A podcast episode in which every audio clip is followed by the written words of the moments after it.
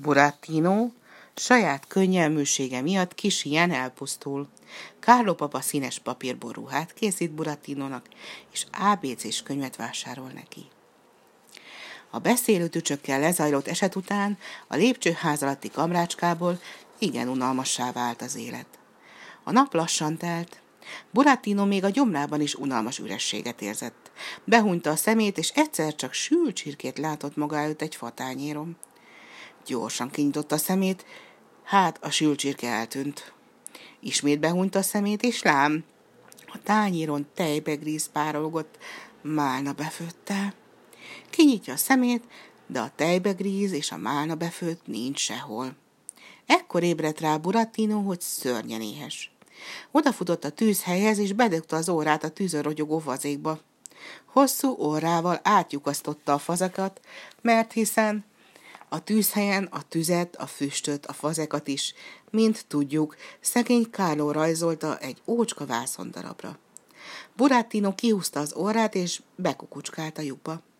A vászon mögött a falban egy ajtócskához hasonló nyílást látott, de odapent mindent annyira belepett a pókháló, hogy nem lehetett megállapítani, mi van ott tulajdonképpen.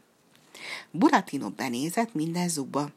Nem talál-e valahol egy kis kenyérhíjat, vagy egy lerágott csirkecsontot, amit a macska ott hagyott.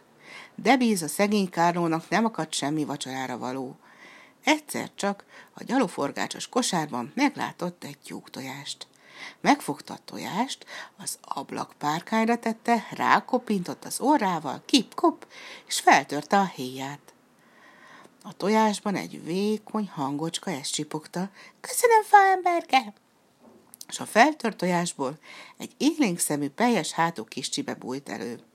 A viszontlátásra, a tyúkanyom már régen vár az udvaron. A kis csibe nyomban az ablakban termett, és a következő pillanatban már ott sem volt. Jaj, jaj, kesergett Buratino, éhes vagyok. Végre valahára este lett. A szobára sötétség borult. Boratino a vászorra festett tűz mellé ült, és halkan csuklott az éjségtől.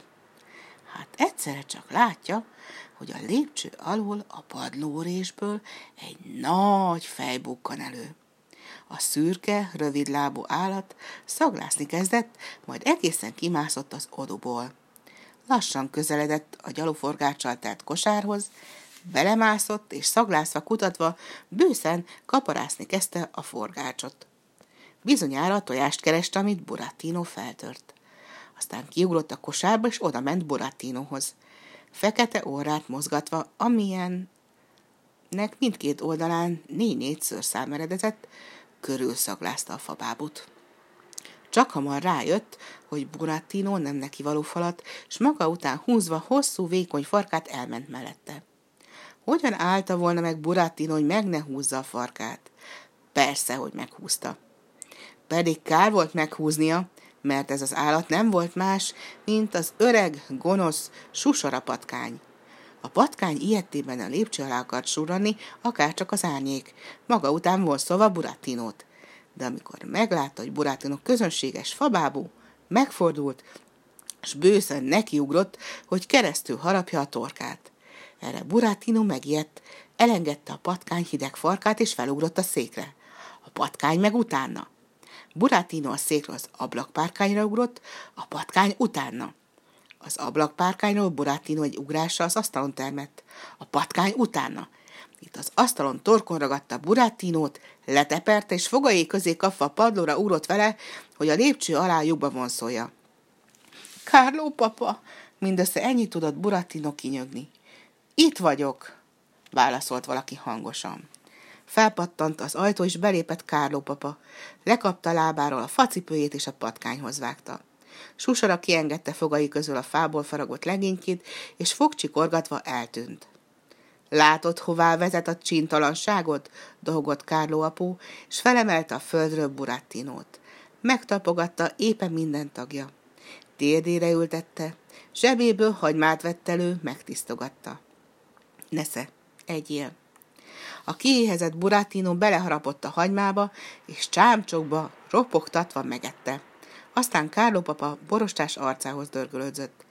Ígérem neked, Kárlópap, hogy ezentúl igen okos, megfontolt gyereked leszek. Beszélő tücsök is azt tanácsolta nekem, hogy járjak iskolába. Ezt jól mondtad, fiacskám.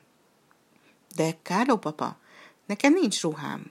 Ha látják, hogy fából vagyok, a fiúk az iskolában kinevetnek. Hm, mögött Kárló, és megvakarta borostás állát. Igazad van, fiacskám. Lámpát gyújtott, ollót, enyvet és színes papírokat vett elő.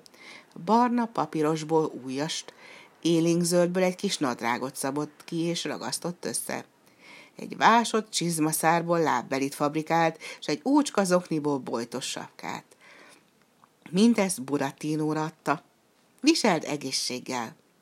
Kárló papa, mondta Buratino, hogy menjek én iskolába ABC-s könyv nélkül? Igazad van, fiacskám. Kárló papa megvakarta fületövét, felöltötte egyetlen újasát, és kiment a városba. Nem sokára visszatért, de újas nélkül. Kezében nagybetűs képes ABC-s könyvet tartott. Itt van neked az ABC-s könyv. Jó tanulást. Kárló papa, hová lett az újasod? Eladtam. Se baj, meg leszek nélküle is, csak neked ne hiányozzék semmi. Boratino Kárló papa jóságos keze fölé hajolt, de hosszú órával beleütközött. Kitanulok, felnövök, és ezer újast veszek neked.